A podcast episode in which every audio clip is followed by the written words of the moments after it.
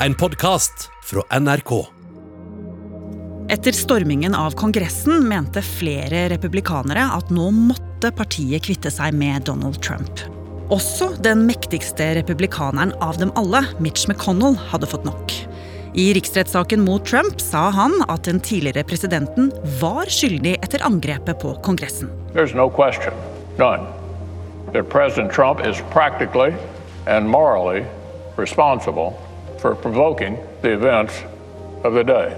No question about it. Likevel valgte han å frikjenne Donald Trump.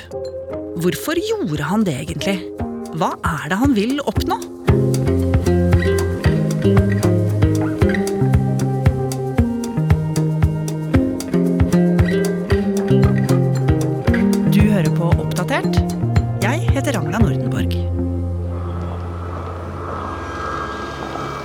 Da Mitch McConnell var på plass i Kongressen 6.1 for å godkjenne valgresultatet, ante han ikke hvilken katastrofe som var i ferd med å bygge seg opp noen kilometer lenger ned i byen.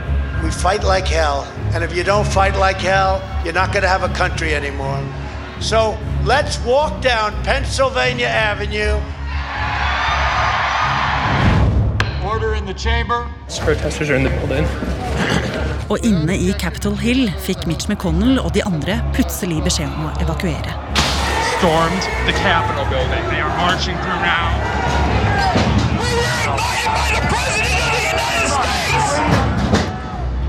Og Tove Bjørgaas, tidligere USA-korrespondent for NRK, fulgte dramaet. Mitch McConnell og de andre politikerne blir evakuert. McConnell hadde polio da han var liten, så han halter og går med en krykke og syns nok også selv at dette var eh, veldig skremmende. Og etter at det hele var over, tre-fire timer etter da politikerne kom tilbake til Senatet for å fortsette debatten sin, ja, da var det tydelig at McConnell hadde fått nok av Donald Trump og det han forsøkte å, få til.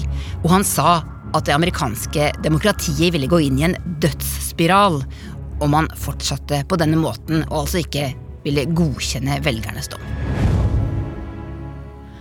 Og det var det jo mange som fikk med seg. At den mektige lederen for republikanerne i Senatet gikk så hardt ut. Men hvorfor var det så viktig? Altså, Hvem er denne mannen? Han er eh, 78 år gammel, har sittet 36 år i Senatet. Når han snakker, så kan du nesten ikke høre hva han sier. Han, mumler sånn. Eh, åpner nesten ikke munnen. Men det han sier er så utrolig viktig, fordi han har så stor makt.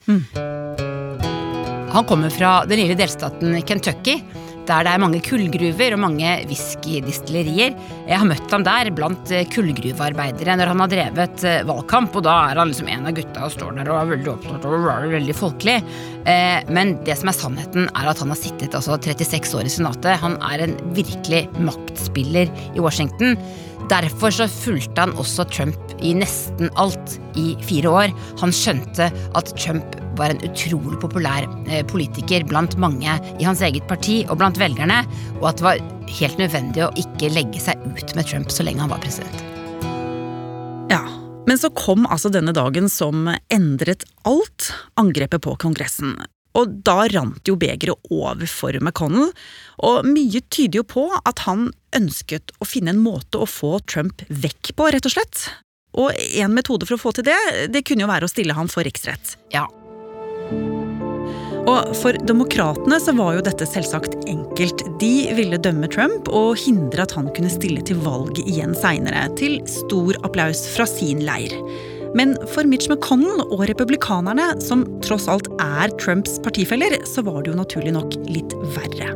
Trump var utrolig populær hos mange velgere, selv etter det som skjedde. Så det var ikke bare å stå med ropert og ivre for å dømme Trump. For McConnells oppgave var jo å holde partiet samla. Så Tove, hva gjorde Mitch McConnell? McConnell er en maktpolitiker. Han vet hvordan man spiller det politiske spillet, og når man må trå varsomt. Og så begynte han i det skjulte å sondere terrenget. Var det mulig å få med mange nok i partiet til å dømme Donald Trump for riksrett? Og hva ville det egentlig føre til for republikanere på sikt? Var partiet klare til å gjøre dette? Ifølge New York Times så sendte McCollen ut et brev til sine republikanske kolleger der han signaliserte at han var åpen for å dømme Trump. Men dersom Mitch McConnell skulle få til det, så måtte 17 senatorer gå over til den andre siden og stemme det samme som demokratene.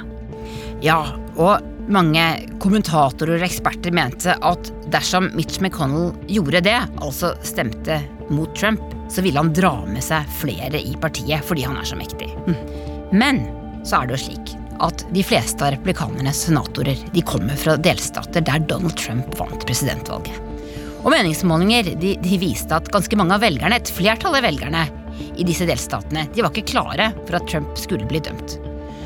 Og det var heller ikke senatorene deres. Det som ble klart for Mitch McConnell da han i det skjulte begynte å undersøke muligheten for å dømme Trump, det var at det var ikke taktisk lurt. Mange av hans egne partifeller, og ikke minst hans egne velgere, var ikke klare for å forlate Donald Trump og vende Donald Trump ryggen. Den politiske prisen ved å dømme Trump ble for høy for McConnell. Så støtten til Trump var åpenbart så stor at å gå i full krig ikke ville lønne seg. Men McConnell hadde ikke tenkt til å gi seg helt med det. Det nærmet seg riksrett, og nå handlet det bare om å finne en måte å markere skikkelig avstand til Trump uten å splitte partiet. Og hvordan skulle han greie det? Please join me in the Pledge of Allegiance. I pledge allegiance to the flag of the United States of America and to the republic for which it stands. Og tirsdag 9. februar, bare en drøy måned etter angrepet mot Kongressen, var riksrettssaken mot Donald Trump i gang. Og McConnell han var uvanlig hemmelighetsfull og ville ikke si rett ut hva han hadde tenkt å stemme. Men han måtte, som alle de andre senatorene, sitte i salen i flere dager og bl.a. se videoer av politiet som desperat forsøkte å holde mobben unna.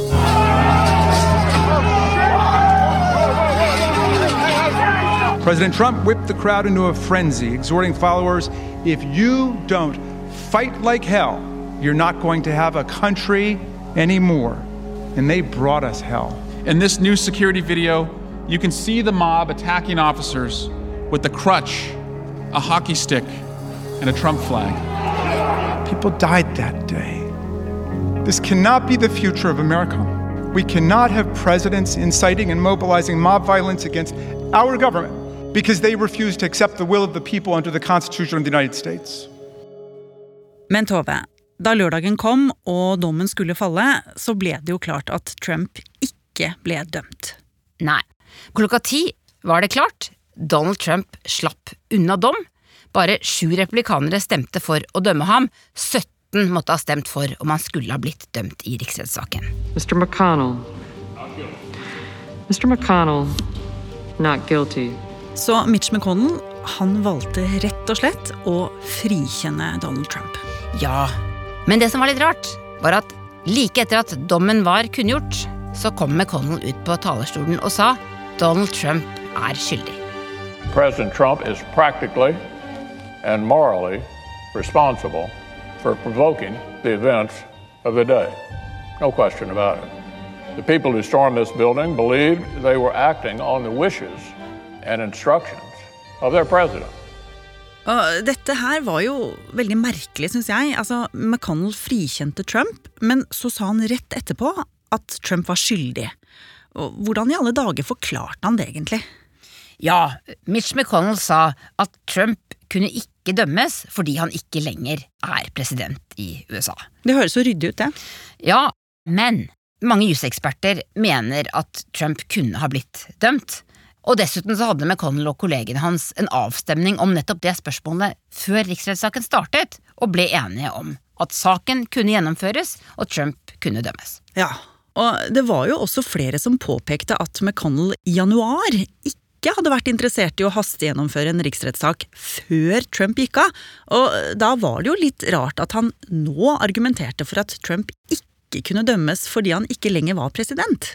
Ja, Og det var jo enda flere ting som kunne oppfattes litt dobbelt her.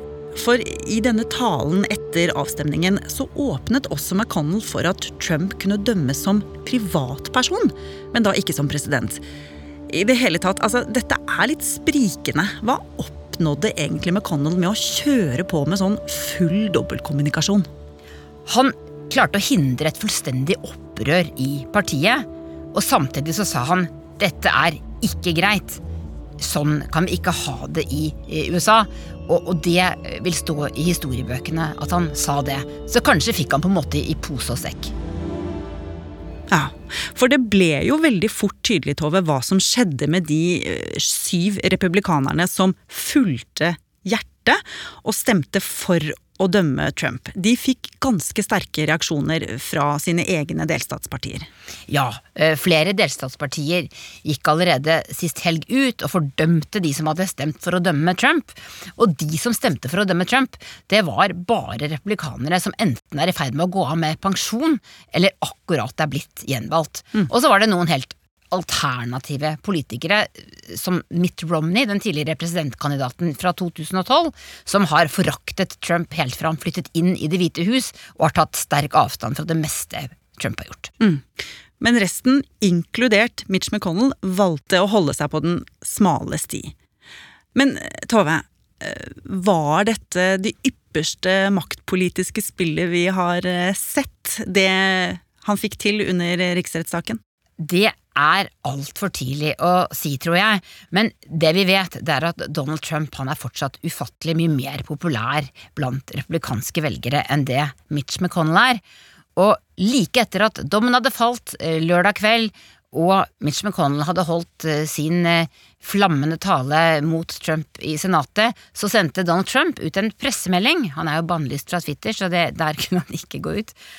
Og der skrev han nå fortsetter vi, dette var en heksejakt, make America great again. Så selv om Mitch McConnell hadde håpet at uh, dette kanskje var spikeren i kista for Donald Trump, så, så er han ikke ferdig med, med Trump ennå. Altså, helt til slutt, Tove. Hva tror du Mitch McConnell tenker nå? Hvor i alle dager går veien videre?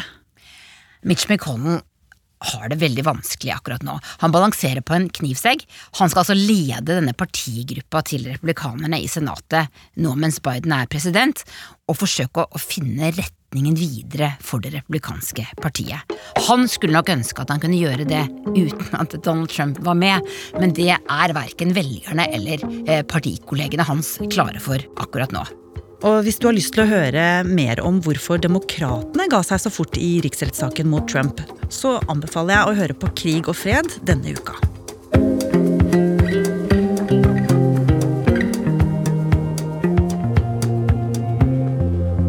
Har du lyst til å bli fast lytter av oss i Oppdatert og få påminnelse om nye episoder, så er det bare å abonnere på oss i NRK radioappen. Og så er det veldig hyggelig hvis du vil anbefale oss til en venn. Oppdatert er en podkast fra NRK Nyheter, og denne episoden er laget av Irina Kjelle, Andreas Berge og meg, Ragna Nordenborg.